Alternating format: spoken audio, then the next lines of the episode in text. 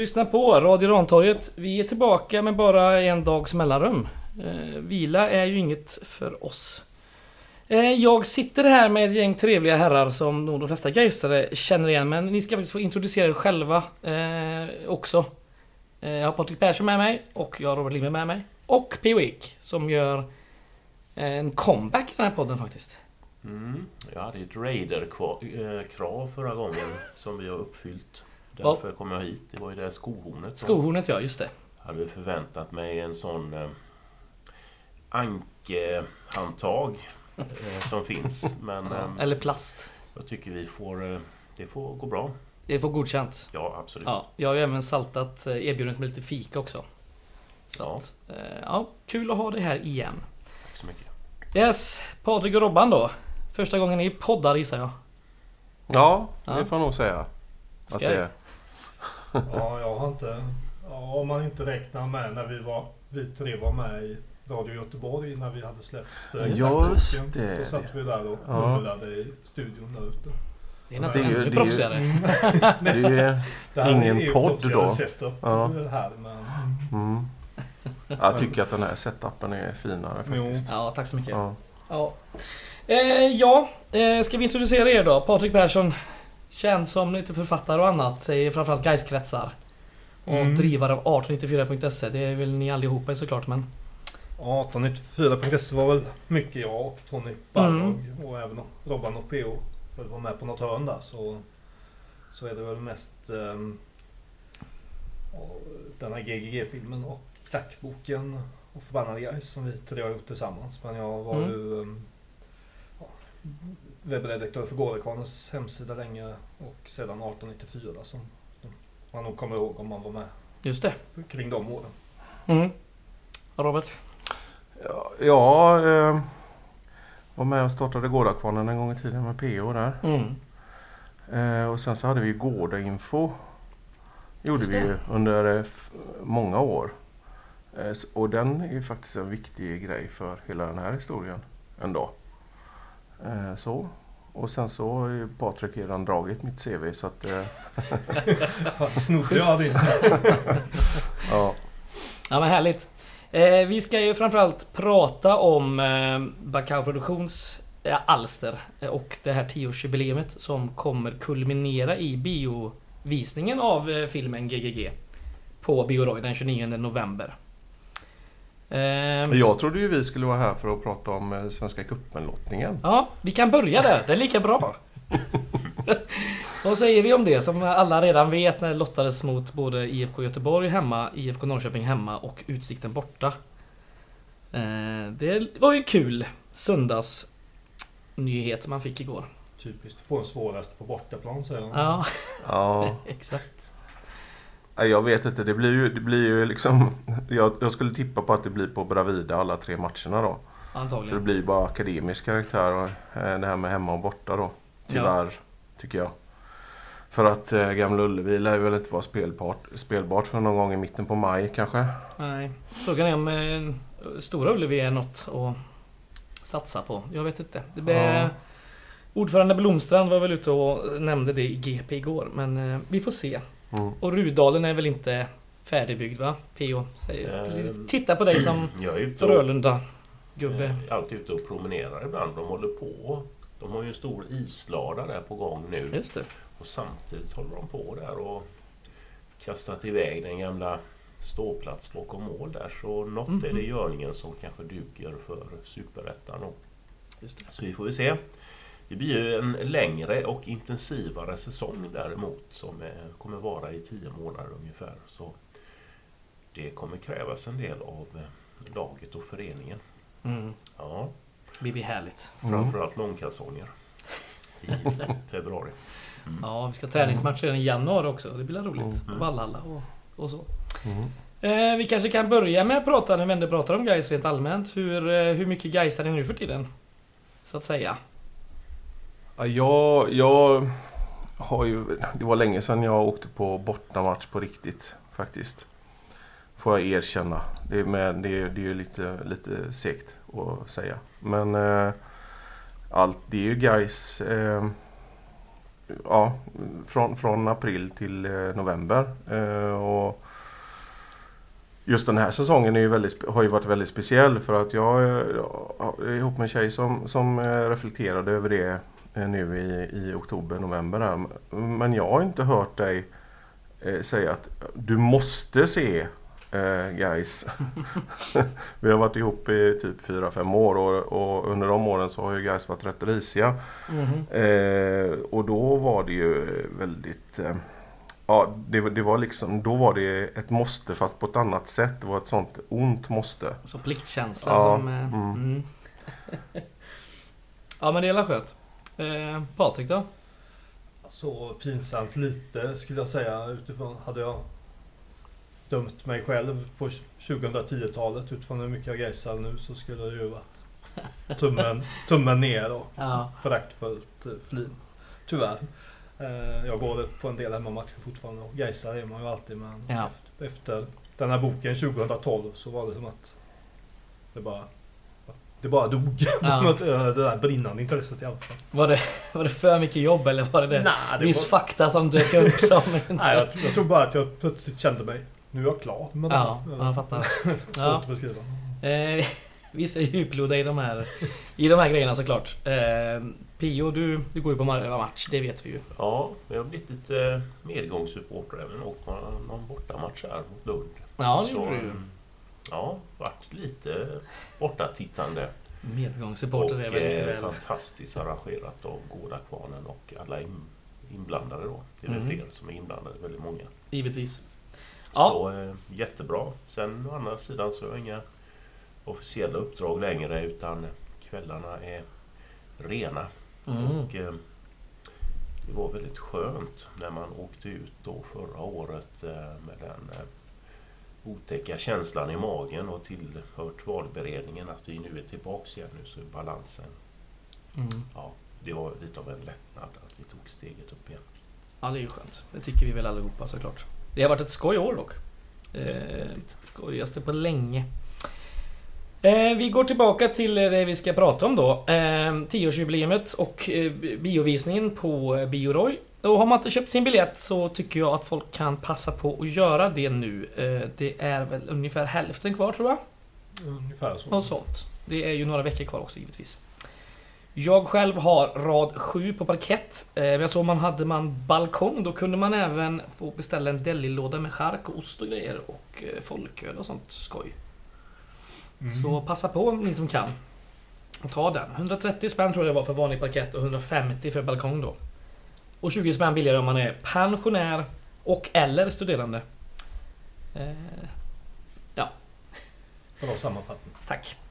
Eh, visningen, den eh, insläppet är klockan 20. Filmstart halvtimme senare. Paus efter eh, själva visningen va? Med, eh, då har ni böcker på plats, de är feltryckta. Som man kan köpa. Och Gårdakvarnen är även på plats och säljer eh, souvenirer tror jag. Även kanske medlemskort om de hinner komma fram i tid. Och sen är det visning av extra materialet. Ja, precis. Det. det finns ju, biografen har ett sånt här skum, skumma alkoholrättigheter. Så innan filmen kan man köpa hur mycket 3,5 folköl man vill då om man vill ha det under filmen. Mm. Men sen den här, så har vi en paus då när vi visar Super 8-materialet från filmen helt... Eh, oh, det är digitaliserat men helt okay. oklippt. Så det rullar på tyst där och så har vi ah. en paus. Och då... Eh, det är ett sätt att, för då får man sälja, köpa starköl också då. Mm -hmm. Okej. Okay.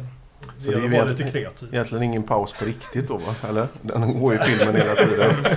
ja, nej, det, om man föredrar att sitta kvar och titta så mm. måste man göra det. Men, men ja, och det extra materialet då som, som alla de som har DVDn har ju sett det. Men, mm. Just det. Eh, vi ska väl prata lite om hur de här projekten kom till, eh, är jag väldigt intresserad av. Det är ju ganska eh, stort och enormt projekt ur min synvinkel att teckna Gaisklackars historia genom både en film och en jävligt djuplodande bok. Hur kom ni fram till det här? Hur kom ni på det här? Jag vet inte men jag, Förbannade Gais är ju liksom början på de, de här delarna av, av våran produktion. Mm. Men jag vill ändå återkomma till den här eh, Gårdinfo-grejen. För det var ju ändå ett, som du också har, har både redaktörat och gjort Patrik. Så, Ja, så blev väl redan arvtagare. ja just det. Just det. ner. Ja. Jag tror 06 att vi, hade, att vi gjorde där, ett nummer Ja. tillsammans. Så att vi sen får Mm. över. Mm. Eh, jo, nej, men det är ju rätt att börja Ja. där. För den, För det var väl också någonting som vi... Alltså när, när vi startade Gårdakvarnen så hade vi det här medlemsbladet Gårdinfo. Som vi körde, jag vet inte hur många det var per år. Ja, ett par minns. Men det, Ja. var nog, det var nog fler i början tror jag. Ja, typ tre kanske. Mm.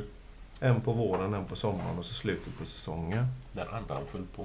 Det ska vi nog kunna... Sen kommer de Här får man nog... När bytte det namn från Gårda Info till Gårdakvarnen? Den som lyssnar så tog jag fram en massa eh, som jag har eh, här. Här har vi några gamla Gårda Info och sen bytte den till Gårdakvarnens medlemstidning någon gång tidigt 2000-tal kanske. Ja, Och blev färgtryck. precis. Här har vi en Gårda Info från 99 i färgtryck. Ja, det är ju uppflyttnings, eh, Mm, uppflyttningsnumret tror jag. precis. Eller då när vi går upp i Allsvenskan. Nummer tre. Yes. Och det var ju ganska unikt då och färgtrycka då. Det Ja. ju fördelen att ha en anställning på ett sånt företag. kunde lösa det. Så där fick man ju testa sina färdigheter och annat och även printa ut det hela. Mm, just det. Mm. Så, och där eh, hade jag ju alla verktygen också så det var väl en möjlighet till framtida projekt. Vi har ju då också en sammanfattning precis som ni gjorde nu då här. Mm. Ser jag. Exakt. Ja, Från allt går i... 99. Allt är cirkulärt. Och det här var ju så Yes. mycket... Så här, de gamla fanzinsen Ja. som fanns innan var ju roliga men det här är ju Mm. så många steg uppåt för att det är snyggare och proffsigare. Det är, jag vill bara dra en årets, årets hotellkännare. Eh, från 99. Det var ju Pung-Mats. Som då inför den här eh, all-nighten i Motala var så otroligt oroad över att det bara fanns 43 hotellrum i, i Motala. Hur ska det räcka till alla? det fanns fler tror jag. Ja, Det gick bra. Mm.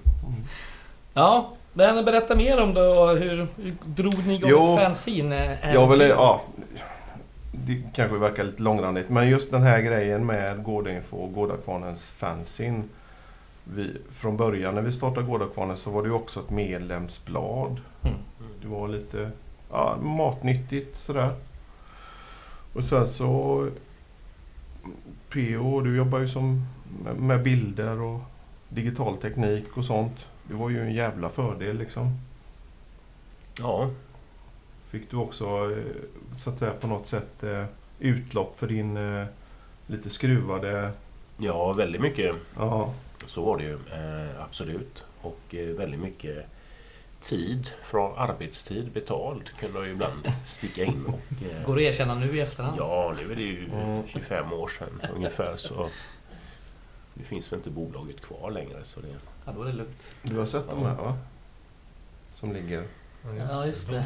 Då ska vi se vad det står där. Jag ser inte. Det står på eh, är Kom igen Fernandes, din gamle clown. Guys, ni är Sveriges Ipswich Town. Ja, Ja, så, fantastiskt. ungefär som en skiva som har sådär inprintade dolda Ja, budskap som Ja. man kan hitta dem någonstans. Det här med att smyga in sådana här Ja. väldigt subtila humoristiska saker känns som att det var lite din specialitet med bilder också. Ja, jo, får man sitta och titta på det så, ja visst. så det är klart. Det fanns utrymme. Ja, Men sen så, jag, jag närde ju en dröm om att liksom skriva Gaisklackens historia. För att den, när jag började gaisa på riktigt i mitten på 90-talet och började åka borta jättemycket. Vilket jag inte hade gjort innan. Jag hade haft ett Gais-liv i tio år utan det. Mm. så var det ju ändå så att det var ju mängder med människor som man började hänga med, PO och andra, som liksom hade det här klacklivet eh, bakåt då. Det fanns sådana som hade åkt i, i början av 70-talet, som liksom fanns på läktaren, Mm. som man eh, var runt och är med i det sammanhanget. Och det traderades massa, massa historier hela tiden. Och då så var det ju en, en känsla av att ja, men det här måste vi skriva ner på något sätt. Ja. Liksom. Men det första var ju det när eh, du och jag träffades där 2005 Patrik. Mm. Eller vi hade ju träffats innan men eh, jag hade, ju, jag hade ju skrivit på en sån Gais historia kring min, mitt eget Gaisande och du hade också något liknande och så mm, hade vi, fick vi träffas där och Det var väl um, Tobias Regnell tror jag, redaktören för Offside. Just det, så som var det, ja. oss för Ja. du hade skickat in um, någon synopsis eller något till den här förbannade Gais dit Mm. och samtidigt gjorde jag praktik där och höll på mycket med Gais. Så tror jag, om jag minns rätt så var det han som som tipsade oss om varandra och så Mhm. och då blev det blev resultatet så småningom förbannade Gais då.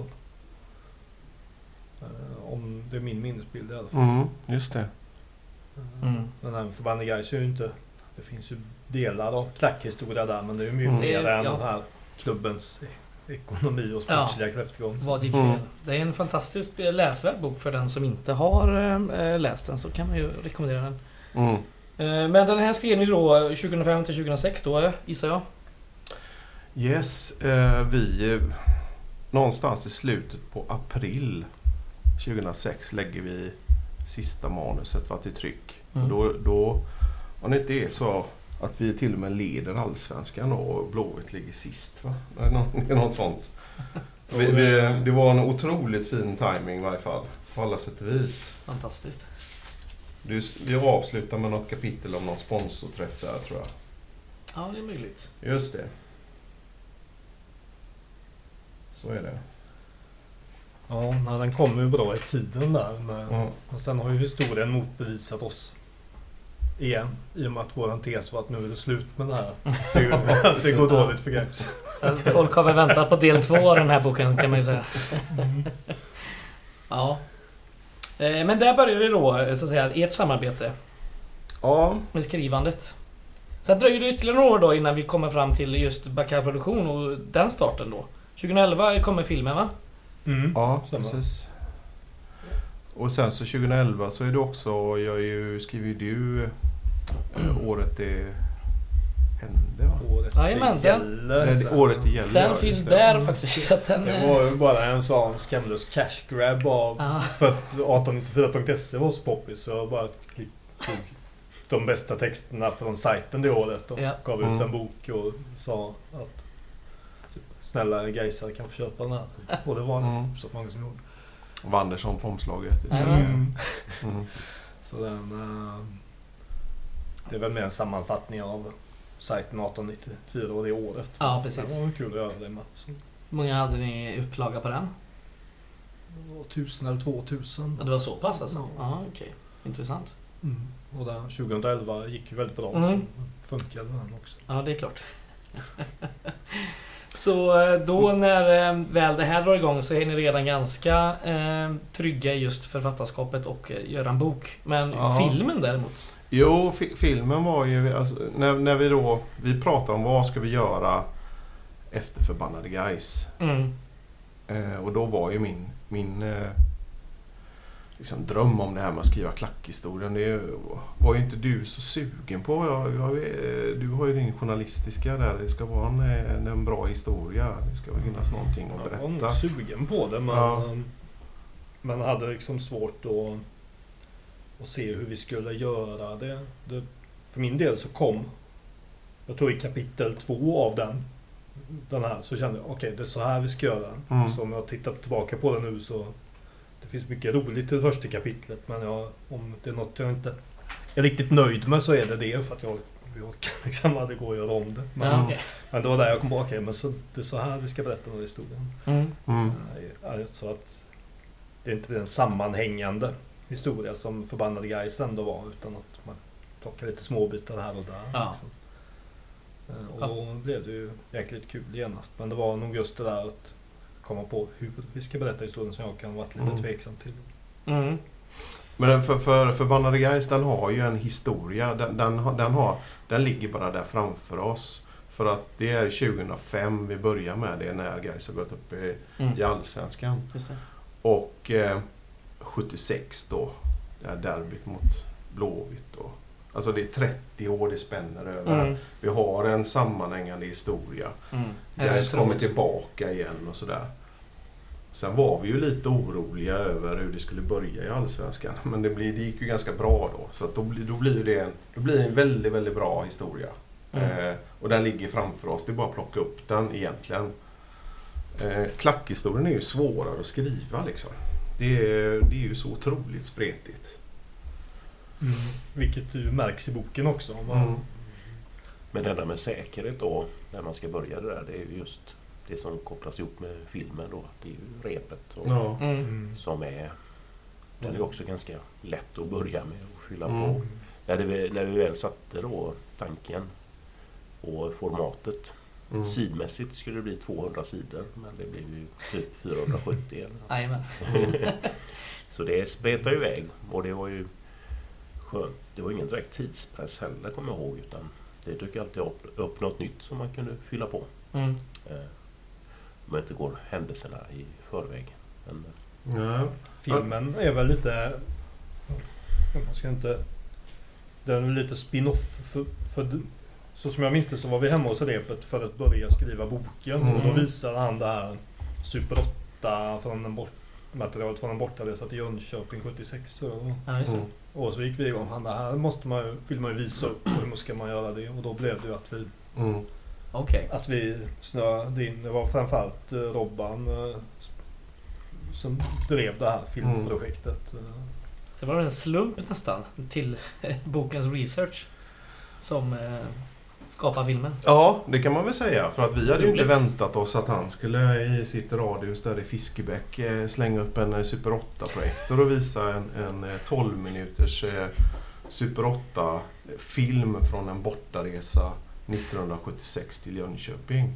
Ja, nej. Och när man ser den för första gången då så blir man ju helt liksom... Det här är ju helt magiskt. Alltså och totalt unikt också. Ja.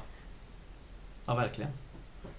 Eh, och då, då, då var det ju ganska, inte enkelt, men spinna vidare på det. Liksom. Alltså, men det här måste vi göra en film, film av. Mm. Och hur ska man göra det då? Eh, så, så vi hade först eh, Janne Palmén med oss i projektet. Sen av olika skäl så hade inte han någon möjlighet att fortsätta att jobba med det. Eh, sen så kom en tjej som heter Nanna Horman som är då filmregissör och liksom ja, skolad in och hjälpte oss. Men då hade vi filmat mycket material, eller vi hade filmat nästan allt materialet innan. Så vi, det var egentligen klippa, sammanställa, ljudlägga, eller bara. Det tog en jävla tid. Men eh, ja, och sen så bestämma sig för hur man ska berätta filmen och så. Och det var ju hon, hon jättebra på och hjälpte oss med. Då. Mm. Med dramaturgi och Hon sådär. gnällde jättemycket på att det var så eh, fattigt filmat material. Eller, Vi hade åtta timmar förutom den här 12, timmar, Ja. 12 minuters och Super 8 då.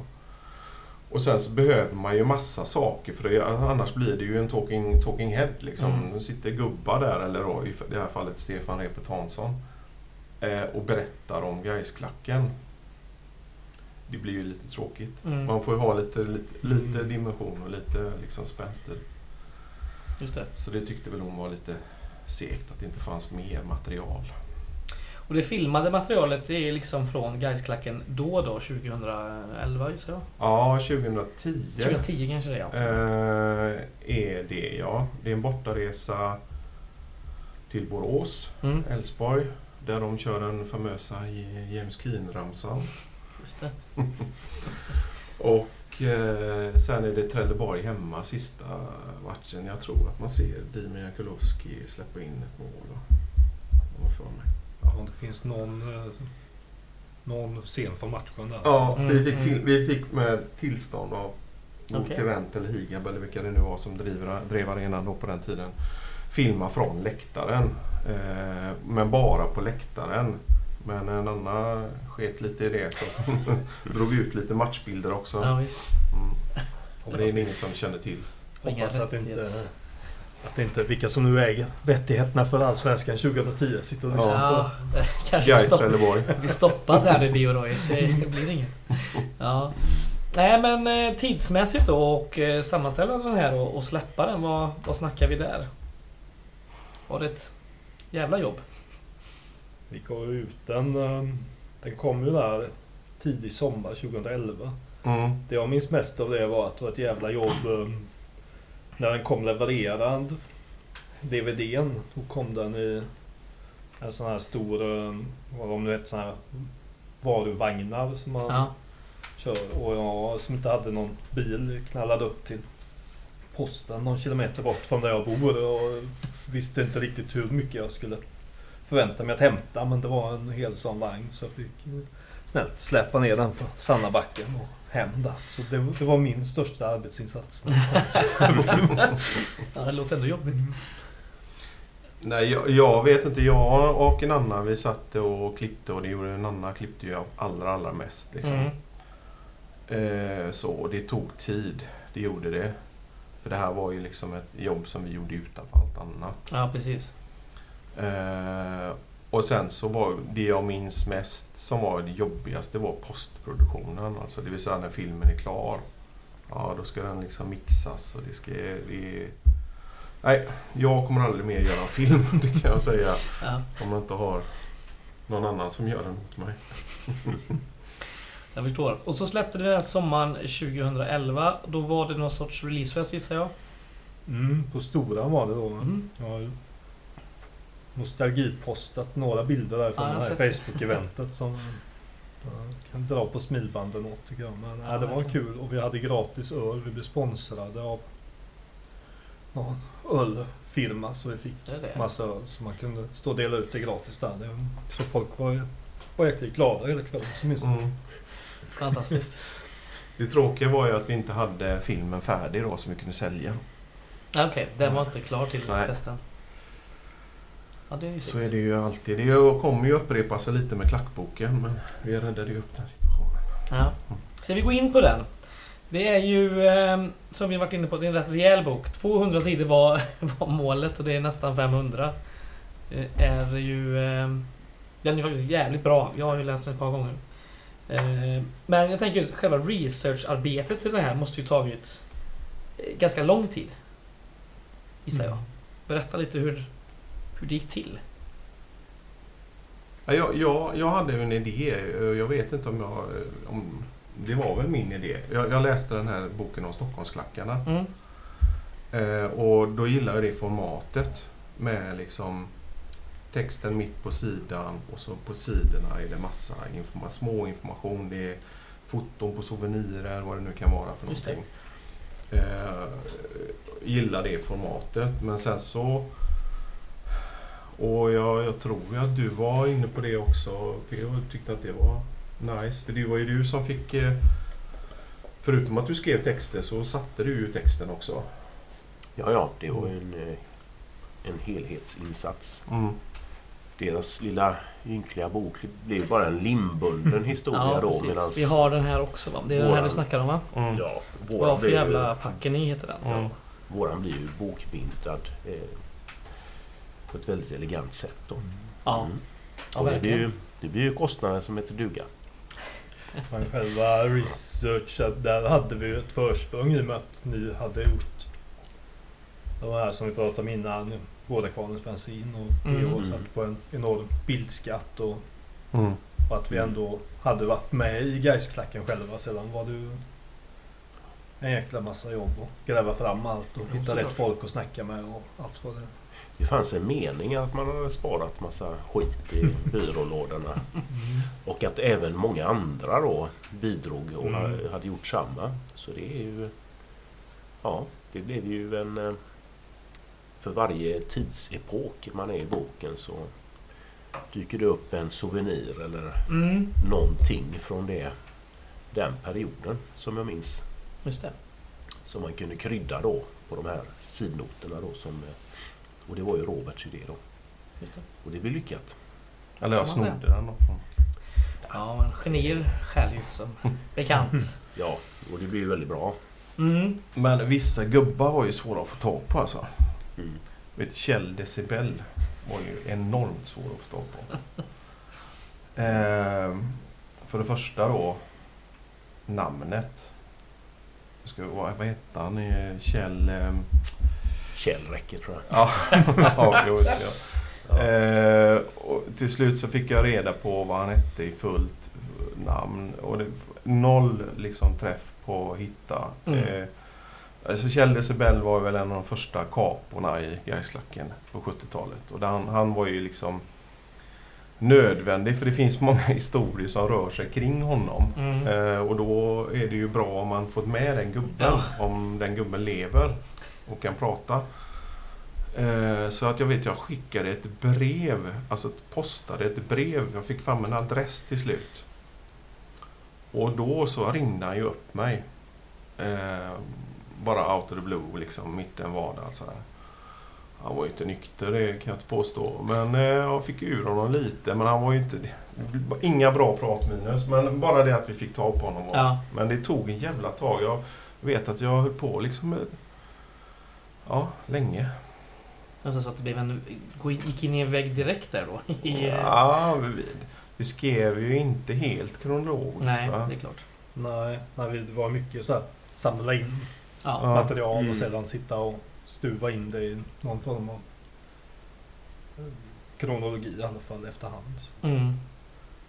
Ja, en sån filur kan ju dyka upp i olika decennier också.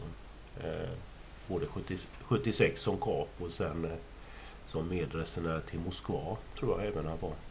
Ja, var det inte Stockholm i cupfinalen? Jag tror Ja, att där var det. repet var en berättelse om honom i Ja, klappboken. det, det kan nog stämma. Men det Där, är ändå... där han har varit borta i typ 8-10 år. Kanske Mm. 10 år, Kjell Westerberg. Så dyker han upp på tåget till, till Stockholm, cupfinalen mot Kalmar. Mm. Och hävdar då att eh, han lanserar då att han ska byta karriär. Han ska bli 1500 meter hinderlöpare. Eller var det 800 meter. Ja, det är skitsamma. Han skulle springa medeldistans. Vilket de höll för helt otroligt att det skulle kunna ske. Så samlade han jättemycket burkar i svarta plastsäckar och la dem ovanpå hatthyllorna i tåget. För akt och mening att ha då när tåget kom tillbaka till Göteborg. Bara att det var inte samma tågsätt utan eh, jag åkte in på rangerbangården och så var de borta.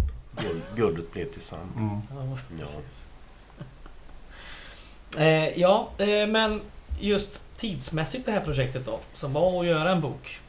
Mm, Det spinner från, eh, eller spänner från eh, 2010 eller började ni ännu tidigare med själva projektet i sig? Ja, allt är ju upprinnelsen är ju Super 8-filmen egentligen. Mm. eh, För, för eh, i Super 8-filmen får vi också ett jävla bildmaterial alltså. Mm. För det här är ju PO som sagt jobbar med bild, kan liksom ta ut bilderna där. Då har vi helt plötsligt unikt bildmaterial från mitten av 70-talet. För att det var ju också en grej med researchen, de här tidiga åren. Det var ju Mm. ingen som tog kort på det Nej, sättet. nej.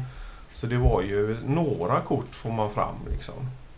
Och det finns ju ett kort när, när eh, Gaisklacken eh, har varit nere i Landskrona och premiären division 2 77 har snöat in och eh, några stycken eh, går då plankar in på Nya Ullevi för att då har IFK Göteborg som kommer tillbaka till Allsvenskan efter att ha varit borta i sex år eh, har sin premiär mot AIK och då fin- finns det ett kort när, eh, när Gaisare står med Black Army på, eller pre-Black Army Ja. på, på eh, Nya Ullevi. Och det kortet är ju inte jättebra. det var otroligt suddigt. Eh, så. Mm. Så att där, eh, men, men kort var svårt. Så att Super 8-filmen var ju en guldgruva att kunna snitta ut, snitta ut kort ur. Ja, och det är flitigt använt här i början då gissar jag. Mm. Nu känner jag ju inte... Eh, ja. Men sen var det ju, repet hade en del kort. Mm. Han hade rätt många bra kort. Min favorit är ju den där när de är i London och står runt registreringsskylten på en bil. Ja, just det. Ja, just det. Mm. Det står något på registreringsskylten som blir roligt på svenska. Ja. kan man. Ja. Ja. Eh, Nej, och, så att vi höll på med det länge. Men jag vet ju att efter filmen så hade vi ändå... Eh, då satte vi igång på allvar. Mm. Egentligen... eh, ja, efter filmen där, för då, och då ja, för jag sa upp mig från mitt dåvarande jobb med och då tänkte jag ja, nu, nu kan jag köra där. Ja. Så då fick det verkligen fart där. Eh, ja, efter, ja, någon gång efter filmen. Vintern 2011-2012 ska jag säga att man Ja. Mm. satte igång. Och, Mm. Och sen släpps den här 2012, eh, sent. Ja. Vi får väl ut den eh, då, vad är det, 19 december va? Mm. Ja, Ja. till julen där. Sätter väl lite press på oss. Vi får nog avsluta det här inne, bokprojektet då innan jul var väl tanken. Mm. Eh, Mm. Men hade vi inte lite marginal där på något sätt? Eller leveransmarginalen var ju väldigt stor. Eh, och det var ju tur. För att... Eh, ja, vi kommer kanske till det men eh, ja, vi kan ta det nu. Ja, men. Men jag Mm. tycker det är lite kul ändå i ljuset av, av Häckens SM-guld att vi faktiskt, när vi hade lämnat manus till, eh, till tryck va? va? mm, Ja, mm, så gick vi ut och, och, och tog en middag på 21.12 mm, Mm. eh, som av någon anledning då Peter Gerhardsson och eh, den famöse Häckensupporten Biffen besökte den Mm. kvällen eh, när de då eh, mycket snöpligt hade missat eh, SM-guld. Just det. Det var lite roligt. Du var ju fram och pratade med Gerhardsson när frågan när han skulle träna guys och sånt. Ja, ja. Man, eh, Han var ju grymt full. ja, men ändå trevlig Ja. och Gaisvänlig Mm. i sin stora, Ja, det var stora nästan, nederlag. nästan så att du värvade honom som vår bästa tränare. Ja, ja. Det fanns ju alltid möjlighet att värva honom på olika spelningar och annat. Mm. Just det. Eh, Så ja, det kommer jag så väl ihåg att vi tog några steg eh, ner till 21-12 där och eh, firade att vi ja, tryckte att vi gjorde en pdf. Mm. Ja, det var bra. Och då måste det ju vara typ slutet oktober, november Ja, då. det månadsskiftet eh, oktober-november tror jag det var. Ja, Det avslutas ju med, eh, eller det är en epilog med, men sista kapitlet i Klackens historia är väl den, den här um, som en begravning från Örebro borta där, sista just matchen i Mm. 2012 när de förlorade med Mm. 4-0 och det var Hasse Geistar på plats. Så vi fick med hela säsongen. Mm. Mm. mm. Och sen eh, ja, fick vi klart det där till december. Mm. ja. Ska vi ta det nu då? Tryckeriet. Ja, just det. Ja, vi hade väl en liten...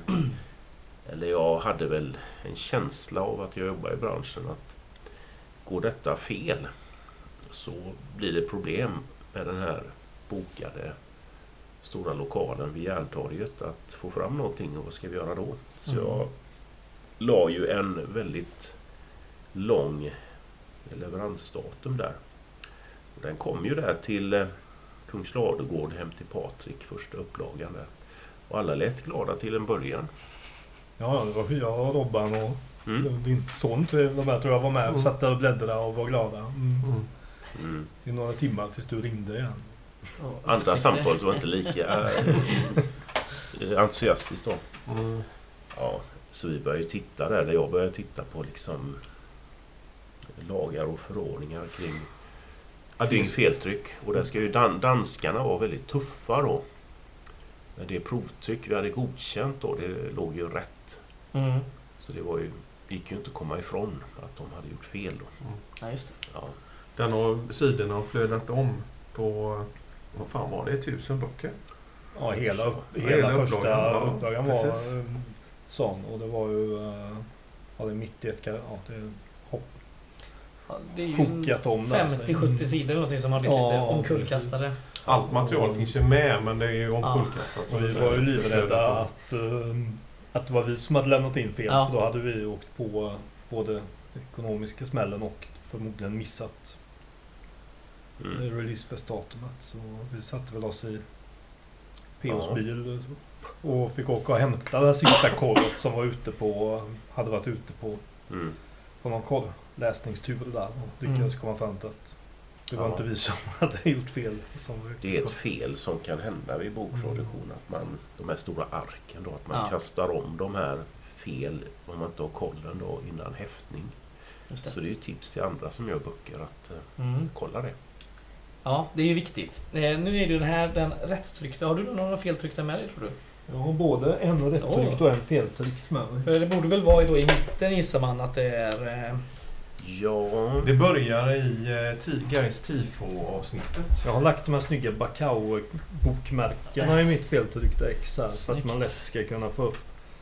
För det, det, det är det här avsnittet med Guys Just eh, det. musik. jajamän, Man bläddrar här och så kommer man till sidan 324. helt plötsligt. Eh, Ja precis, man är på sidan 290 här och sen Ja. blir det sidan 323 så är det. Och Ja. sedan så kommer det här igen lite längre fram där. Mm. Ja. I Gais tifo-avsnittet då kanske. Mm. Och eh, då fick ni lite brådis då, gissar jag, och få tryckt det här rätt ja igen. marginal fanns ju men den var väldigt snäv. Givetvis. Men eh, med lite hotbilder om bokad lokal för stora pengar och annat så fick vi dansken eh, att ta fart. Så kom allt. dansken på knä. Ja. Jag säga. Så knappt hade första upplagan gått till tippen, en ny anländ. Men några lådor sparar du. Jag sparade några eh, av eh, ja, nostalgiska skäl och de har ju visat sig bli kul nu när den rättryckta upplagan är slutsåld. Kan man. Ja, precis. Eh, hur stor eh, upplaga var det? Och tusen ex. Tusen extra. Lite plus, var det inte det? 11 eller? Ja, Mm. Har för mig. Mm. Just det, vi fick en sån bonushundring eller någonting va? För att vi hade... Ja, Jaha, för att ja, feltrycket. precis. Ja, Ja, det är ju, var ju schysst. Mm. Danskarna. ja. Så eh, ja, det blev väl eh, en lyckad fest ändå. Mm. Berätta mer om den. Var hade ni den någonstans? Ja, vad heter det? Pustervik tror jag. Östervik. Eh, hade bra kontakter inside. Mm. Eh, vilka kom dit? Jönsson och Kruse från Attentat kom dit Mm. och spelade. Ja. Eh, ja, Pelle Blom var där. och och Alima var där. Ja. Lindman. Ja, Pelle Blom det är ju lite tjötigt efter ett tag, men just då var det unikt. Ja, ja. Eh, borta hörn där, målvakten finske också. Sillanpää ja. Jo, Sillan, jag det var det. han var där. Mm. Han var ju generellt jäkligt eh, pepp på det här med Gais. Och Ja. Thomas Askebrandt. Ja, Just det. underbart. En kort kan man säga. Det var ett väldigt kort eh, inspel. Ja, ett och ett halvt år senare var han ju borta. Men, eh, men eh, han hade ju då... Var inte det han som sa att han aldrig har läst en bok i hela sitt liv, men den här skulle han läsa? Ja, Ja. ja. Var det, Fantastiskt. var det inte någon tränare som låg på sjukhus som fick? Nej, det var Bosko tror jag. ja. Jag gav, eh, s- när jag hade en anställning på Gais så såg jag till att Bosko fick ett ex också. Mm. Några år senare då. Och jag frågade då, när han var lite mer kurant. Vad gillar du boken? Ingen aning, sa han. för han var så drogad just då. Eh, då. Det var en tuff period för Bosko där. Men Ja. Han fick ett ex i alla fall. Det var synd att han inte läste den. Då kanske inte han hade sagt så mycket dumma saker om gais supportrar Förhoppningsvis inte. mm. Och då snart ska vi eh, stifta bekants- bekantskap med honom igen då i cupen och serien nästa år. mm. Ja, Ja, det är glädje. då kanske du inte läst den tills dess. Mm. Om han har kvar den. Tror inte det. Nej, jag tror inte det. Nej. Men eh, jag vet inte, vi pratar lite mer om, Ja. om, om boken här. För Självklart. jag tycker att den, den någonstans liksom eh, har ju ett unikt bildmaterial eh, och väldigt speciella texter, tycker jag. Men jag får också säga det då att Patrik han skrev ju om alla våra texter. Mhm. Så det är ju du som har skrivit boken. Du, varenda text jag lämnar in så skriver du om den och det blir ju mycket bättre. Jag säger inte något annat om det. Du är ju journalist och jag är svensklärare så att det är ju en skillnad på hur man skriver. Ja. Mm. Så, ehm, väl- Du tar... Ja, du tar lite... Du ger mig lite för mycket cred där. Jag, var, jag gjorde väl någon slags redaktörsjobb för att väva samman det till en enhet och en stilenlighet och idé Mm. jobbade jag väl om mycket av. Men man levererar ju fem sidor och du fick ner det till tre. Och så, så, men han har ju inte tagit bort någonting. Mm. Och det hade han ju. Patrik då. Mm. Eh, ja, det var imponerande. Mm. Det är ett digert jobb. Mm. Ja. Hur, hur var det då?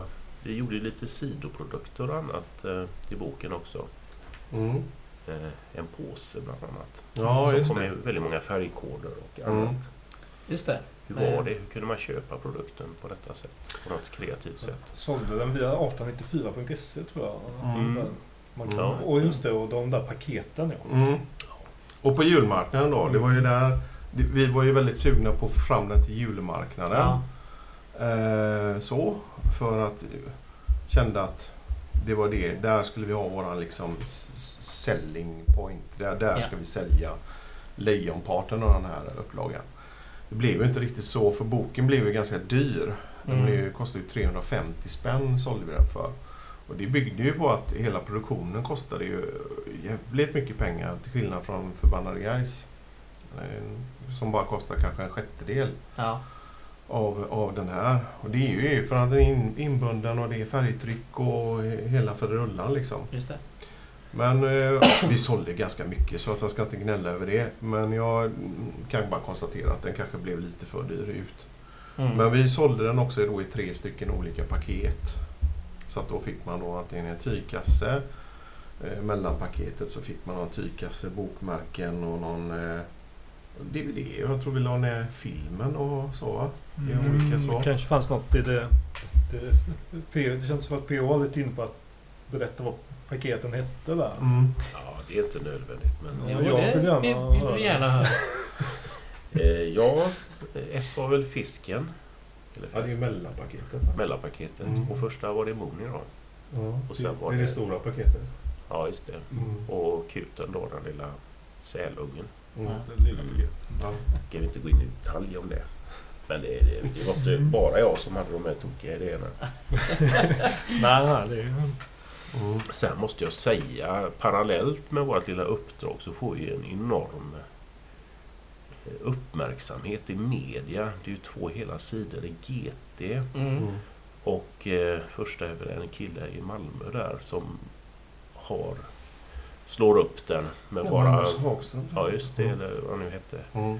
Eh, fyra plus och den bara kom rakt i ansiktet där innan jul också. Mm. Och sen slår man på morgon-tv en dag så sitter de i, om det är TV4, jag tror SVT, det är SVT. SVT, det sitter Mm. de och pratar och hyllar den här boken.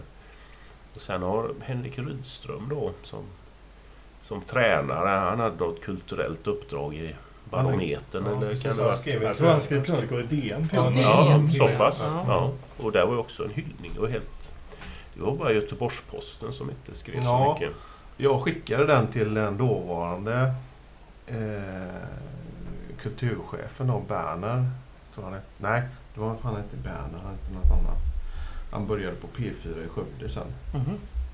Inte om du kan... Nej, Du är väl bördig från så Skaraborg. är Men det. Men har det så innebär väl inte att du kan alla, P4 Västland. alla omständigheter som finns i Nej. Skaraborg. Men Nej. okej. Eh, han skickade tillbaka boken. Och med, för att jag mejlade honom och sa vad händer? Ja, Det här har hänt. Vad hette han i SVT? Han, han, är, han är ju jävligt bra alltså. Ja. Eh, skalliga killen från Småland som Ja, bor det. på Söder och gillar Bajen. ja. Nej, det... Eh, han sa ju att det var den bästa klappbok han har läst. Mm. Mm. Så. Fiffi.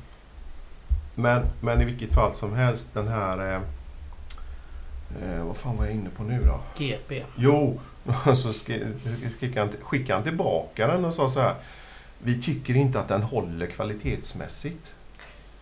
Nej, och jag var tvungen att skicka tillbaka, svara på det mejlet. Ja, ja, men vi har ju fått den här och den här och den här Ja, och den här ja. recensionen. Och i SVTs morgonsoppa, äh, morgonsoffa, soppa, soffa, så utnämnde han, eh, vem det nu var, kommer inte ihåg namnet, det är inte den bästa klappboken han har läst. Så att jag, ja, ni är ju ensamma om den Ja. uppfattningen. Mm. Fick en jäkla genomslag i Mm. media med tanke på att det var bok på tusen exemplar om ett väldigt Ja. obskyrt och nischat ämne. Så. Mm. Ja, och hur kom Mm. det sig? Eller liksom hur hamnade den i cirkulation på det sättet? Har ni skickat ut den själva eller var det bara...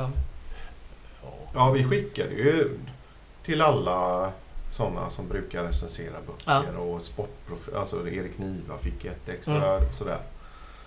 Eh, så att, så att eh, det, det gjorde vi ju. Och då, för tio år sedan, nu har ju nästan varenda sånt här gäng eh, en, en klackbok. Ja. Eh, lite fattigt och torftigt. Men, eh, men då var vi, det var ju hyfsat unikt. Blåvitt kommer med sin bok året efter va? Mm. Mm. ÖIS har inte kommit med någon ännu. Nej. Nej, det, jag tror att många nappade på det för att den, var, den är snygg. Mm. Den här ser rolig ut. Man börjar bläddra, det ser ännu roligare Ja. ut. Och sedan så var det tillräckligt obskyrt och nischat samtidigt som eh, det finns ändå ett allmän intresse i och med att alla som hejar på ett svenskt fotbollslag Ja, hajar till och tycker åh det här. Liksom. ja Mm. Precis. inte grejs. Och sen är ju titeln på boken också, vilka var Sver- Sveriges bästa hejaklack? Utan frågetecken. Ja. Lite så. Oj, Mm. för det var ju nästan varenda recensent tog upp det liksom. Mm. Mm. Varför har ni... Ja. Jag vet, fortfarande inte om vi bestämde oss att vi skulle ha det eller om det bara var för att det ser snyggare ut på omslaget. Ja, jag kanske tog något beslut där. Eh, Nej, men jag för mig att vi pratade om det. Jag sa att ja, men i själva liksom den ramsan så är det Mm. ju inget frågetecken. Utan det är ett påstående Ja. som är formulerat som en fråga. Mm. Så det är korrekt. Mm. Enligt omslaget. Ja, ja. Mm. Ja. Tveklöst. Eh, själva Baccar Produktion, slutade det med bara de här två, eller tre då ska vi säga, eh, projekten? Ja, det här var det sista. Det var Mm. Magnum Opus. Ja, nog lite min eh, dödsmässa från kreativa, den grafiska branschen då. Sen fick jag lite andra uppgifter. Då. Ja, just det. Så ja, jag tänkte nu kan jag lägga ner mina grafiska verktyg. Lite så. Får vi se om de putsas upp någon gång i framtiden. Ja, håller tummarna. Mm. Eh, ja, Men jag, bara hänga kvar lite. Alltså, Ja. Den är ju upplagd på ett sätt, den här boken, som eh, där vi har ett... Eh, varje kapitel är inlett med ett, ett eh, sammanhang som börjar i värld, Europa, Sverige och Gais. mm, Både politiskt och, och fotbollsmässigt. Ett sånt första kapitel. Typ en två sidor kanske, tre. Ja, typ som en sån här inzoomning först ut i Ja, universum och sedan zoomar man in på grejsklacken. Ja. Och därigenom så har man då, även ifall man inte är, kan något om Gais historia eller Gaisklackens historia, så kan du hänga med i liksom vad som händer. Annars hade det varit helt obegripligt. Va? Är de i division 2 nu? Ja, Ja, vet man precis. ingenting om. Ja. Och sen så har vi den här som jag tror jag envisades med. Ingen kommer undan politiken. Som var väldigt, eh, väldigt påtagligt eh, karaktäristika för Gaisklacken under kanske 30 år. Det är inte lika tydligt idag. Nej. Men så. Men de kapitlen är ju jäkligt roliga och intressanta. Och Mm. de, jag har hört från många bekanta som jag har gett boken till som inte bryr sig ett skit om fotboll. Så att, ja, jag läste med intresse de här politikkapitlen. Ja. Ja, det är intressant. Det är en intressant tid i, i Sverige och svensk fotboll. eh, Sent 80-tal, tidigt 90-tal när det är extremt låga publiksiffror och eh, vad ska man säga, väldigt extrem politik på läktarna till Mm. höger. Eh, Det kan man absolut säga. Ja, det var ingen kul tid alls. Nej. Nej, och framförallt 70-talet där, det har ju de här Stockholmslagen, de har ju inte mer än ett par, tre tusen på sina matcher liksom. Det är, Nej. Mer är det inte. Mm. Eh, och där kommer tips extra kulturen och Mm. för in små klackar i det hela. Det Mm. blir väl någon form av förändring. Mm. Just det.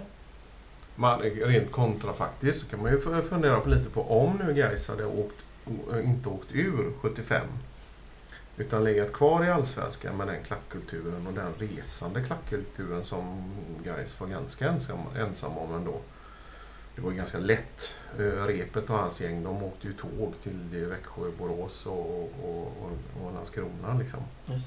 Men eh, om då Gais hade legat kvar där så hade det ju blivit en För du var ju med på den tiden på 80-talet när, när ni åkte mycket och så sen helt plötsligt när ni kom till Allsvenskan 88 som resande klack. Det var ju ovanligt. Att man liksom reste som en klack Mm. så, så, så sent som 80-talet. Ja, den har väl alltid figurerat men det, vad jag minns så var det inte riktigt de mängderna. Mm. Eller eh, organiseringen. Det har ju funnits i Gais i alla tider. Med lite dipp där då, 90-talet. Men då kom ju Gårdakvarnen. Mm. Men det är ju en annan historia. Mm. Ja, för innan var det mer kompisgäng som anordnade resor, eller? Hur funkar det på Ja, det var, den ju, tiden? det var ju en följd där. Om vi bara går tillbaks till 94-95 så var det ju... Och det var väl så alltid egentligen för makrillarna var ju inte så vassa på det då. Eh, då var det ju en och annan person som tog, tog tag i det och ringde runt och tog ek- ekonomiska risker. Och det var väl en tanke med Gårdakvarnen då att man ska organisera det. Eller vi vill organisera det då. Mm. Sen blir det till fest också.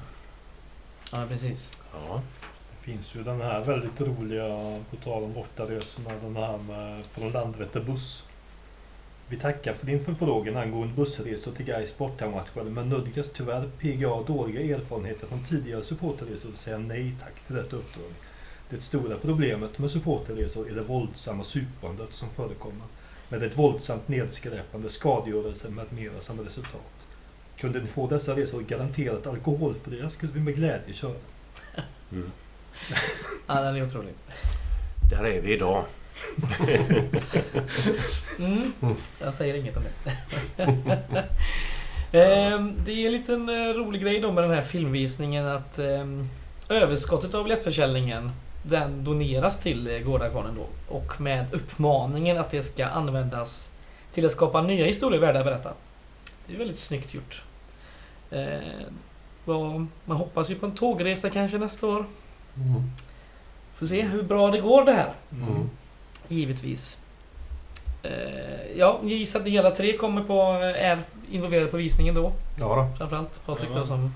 Jag jobbar ju faktiskt på Ja, biografen så jag precis. kommer vara bak- Jag är där fast jag är bakom kulissen och ser Ja. så att filmen funkar Mm. och kör som den ska.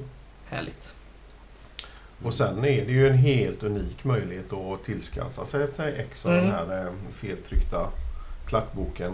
Mm, precis. Eh, jag vet inte hur många du skeppar ut ur den hemliga gömman där. Jag kommer faktiskt inte ihåg hur många jag för jag gav dig... Du, Ja. ja. fick ju, var det två råd och, och då tror jag att jag... Det var 50 stycken vill jag minnas ungefär Ja. i fjol där som vi sålde. eh, Och det, innan för jul. det stod några till där inne i ett mörkt hörn på vinden så jag får väl släppa mig upp och kolla hur många Ja. jag har där. Men, um, så vi kan ta med oss då. just Hur många... Det är svårt att veta hur många folk är intresserade av också. Liksom. Jo, det är klart. Så borde det ha kommit nå- några nya generationer som inte har... Magnus. Utvik hette han. Just det. Mm. Ja, ja. Vilken cliffhanger. Mm. Ja. Ja, vi har väl sagt det mesta här på den här timmen. Är det något eh, ni vill tillägga eller någon rolig anekdot från detta så... Nu är chansen. Vilken press man... Ja, jag vet inte. Det är väl ganska mycket saker som hände där ändå. Mm. Ingen som jag kan dra ur rockärmen. Så. Den, den är ju så full av lustiga anekdoter den här Ja. boken. Det Ja. var en del bland, blandningen mellan lite längre, seriö, lite mer seriöst hållna texter och, och sådana här små lustigheter i eh, Ja. marginalen är ju kul. Men det- Cooper i Moskva minns jag Mm. väl. Att han bara dök upp. det är jäkligt roligt. Det är svårt att hitta någon favorit. Ja. Sen är jag ju med på varje som bild på varje sida. Just Han det. nämns i texten. ja, precis. Mm. Den har jag glömt av. Men så är det. Ja. Man behöver inte bläddra länge för att hitta honom. För det så fick jag bläddra här flera sidor innan det dyker upp en Ja. Cooper. Men, um, Att man är med på stor bild här i... Nu ser nu är jag precis uppe i, i Moskva här. Det är otroliga bilder härifrån. Där har vi ju PO. Ja, just det. Ja, det är ju en bild där. Jag fick en, eh, en sån helpage med ja, utanför deras arena. Just det. Och vi, Och kom ju, vi- vi kom inte in där då just eh, de, de, De visar ju sin dåliga sida där. Moskvakillarna som var vakter och poliser. Så de hade ju en liten styrkedemonstration att vi var för fulla. Så Ja. det tog ju ett antal minuter innan vi kom in. Och den ryska guiden grät och Bengt Gällingskog var jävligt upprörd och hotade med att ringa förbundet på svenska. Jag tror jag till och med nämnde det på engelska för att styrka sitt hot där. Men de sket det faktiskt. Men till sist så smet vi in ändå. Och då ledde de väl med 2-0 tror jag efter Ja, några fåtal minuter. Så det var ju glädje. Mm. Den här bilden, på tal om medial uppmärksamhet. Så Just det. Den här är från Helsingborg borta. Och det, är- det här inledningskapitlet till det sista avsnittet handlar om den här klacktjejen Kim. Och det är hon som tagit bilden själv. Det är en polis som står på andra sidan ett stängsel och sprutar pepparspray i nyllet på en Gaisa där. Men den eh, tror jag, om det var Robert Laul kanske. Någon på Aftonbladet i alla fall twittrade ut den här och tyckte att vad håller polisen på med egentligen? Men Ja. Ja. Mm. Lite. Sen har han bytt spår. Han har bytt spår, ja. Ja, jag ska inte svä- svära på att det var det. Det var någon på Aftonbladet och jag hade för mig att det var han. Men jag har inte Men vi har ju den här bilden från, eh, från Göteborgskravallen också. Ja, den är väl med senare. Ja, Eh, Gais-tröja på. Eh, och, eh, Ja. ja, jag vet ju vad han heter. Jag ska inte säga det. nej. Nej, Mm, det lite... den, ja, den fick vi researcha. Du var väl den som grävde fram den va? Det var väldigt mycket känn, kämpande Det är för att få till. politikkapitlet i Där är början den. Där är den. Just det. Är den, är den, är den Maskerad, rätt häftad? eh, herre i-? Gais-tröja på Göteborgskravallerna. Ja, faktum var att jag eh, var ute och promenerade en lunch när allt detta hände. Och det var ju surrealistiskt när Ja. två polispiketer marscherar upp eh, med dragna batonger. Och så ser man längst upp på Avenyn hur det brinner. Liksom. Det var en ganska overklig lunch kan jag säga. Det kan jag förstå. Eh, Så där vill jag säga att jag var inte involverad i plundringen av vilken affär det nu var. Ja, det var en annan gaisare som, som tog bilden Ja, och okej. som hade den i sin ägo. Vi fick mejla ganska mycket fram och tillbaka och övertyga om att vi ville ha den. Ja, Vi har ingen aning vem som levererade. Nej. Nej, den bara dök upp i Mm. ett intressant. brunt paket. Anonymt. Fantastiskt. Eh, Mm. Så lite speciellt. På tal om eh, Moskva-matchen här och eh, Torpedo Moskva som man mötte. Eh, var på krogen här om eh, dagen i lördags och såg en Torpedo Moskva-klibba på toaletten. Ja. Ja, tänker man genast att det är en Gais-koppling givetvis. Eh, någon mer info om det har jag inte. Vilken Nej. krog var det? Eh, Notting Hill på eh? Nordhemsgatan. Ja, det kan vara ju ett någon vi känner. Eller så är den kvar där från den tiden då det var Shumadia, serbisk restaurang. Ja, ja. ja, kanske. Just det ja. ja. Det var på 90-talet. Ja, De ligger ju riktigt risigt till. Torpedo Moskva nu. va? Tredje eller fjärde divisionen. Precis. Mm. ja. Det var det. Eh, extremt kul att ha er här. Det får vi absolut tacka för. Eh, vi har ju ett segment eh, som ni kanske känner till som heter Kulturtips. Så det, eh, det tar vi nu. Jag har varit och käkat en hel del på restauranger sen tiden. Netflix igen. Ja, I så fall får jag väl tipsa om eh, en bok. Best movie ever made, så här, den är inte så jävla bra. Ja, kulturtips låter väl skittrevligt. ja. Ska jag börja? Det får du gärna göra. Eh, då säger jag faktiskt Bio Roy. Ja. Där ska man hålla uppsikt över utbudet och eh, gå. Jag gillar ju eh, rockdokumentärer. Och det var väl någon på gång om Liam Gallagher där tror jag. Just det. Nu var väl alla Gaisare på plats så det kanske inte fanns någon, eh, någon större nytta av att gå och se den på film eller också vill man det. Ja. Om man inte minns allting. Nej men exakt. Eh. Eh, nu vet jag inte riktigt. Jag hörde det här om, eh, häromdagen att eh, storebror Gallagher har stoppat Oasis-låtarna till den filmen. Men jag vet inte om det stämmer. Nej, oklart. Men eh, som sagt var, Bio Roy ska man ha koll på. Absolut. Och jag såg eh, Moon Age Daydream där då, Bowie-filmen. Det- Fantastiskt. Håll utkik. Bra. Patrik? Jag får väl vara så tråkig så att jag... och jag jobbar ju på bion med så jag är partisk så jag får väl uh, gå på POs linje där. Det kommer en Neil Young dokumentär längre fram också som säkert blir trevlig att titta på. Okej. Eh, och... Ja. eh, Hade jag vetat att PO skulle ta det tipset hade jag tänkt ut något roligare. Men... Ja men det blir bra. Ett dubbeltips nästan då. Ja, Mm. Ja, men jag kör en bok. Härligt. Eh, och det är han som skrev Ålevangeliet, Patrik Svensson. Just det. Så jag läser hans bok Den lodande människan, tror jag han heter. Eh, om människans förhållande till havet. Mm. Och eh, världsomseglare och sånt där. Spännande. Otroligt intressant det avsnittet om Magellan. Och de här små snäckskalen de åkte runt i utan att veta vad som finns på andra sidan horisonten. Fantastiskt. Otroligt bra. Eh, Ålevangeliet just eh, var ett tips här för någon månad eller två sedan. Mm. Påse som tipsade om, eh, om den. Det lät intressant.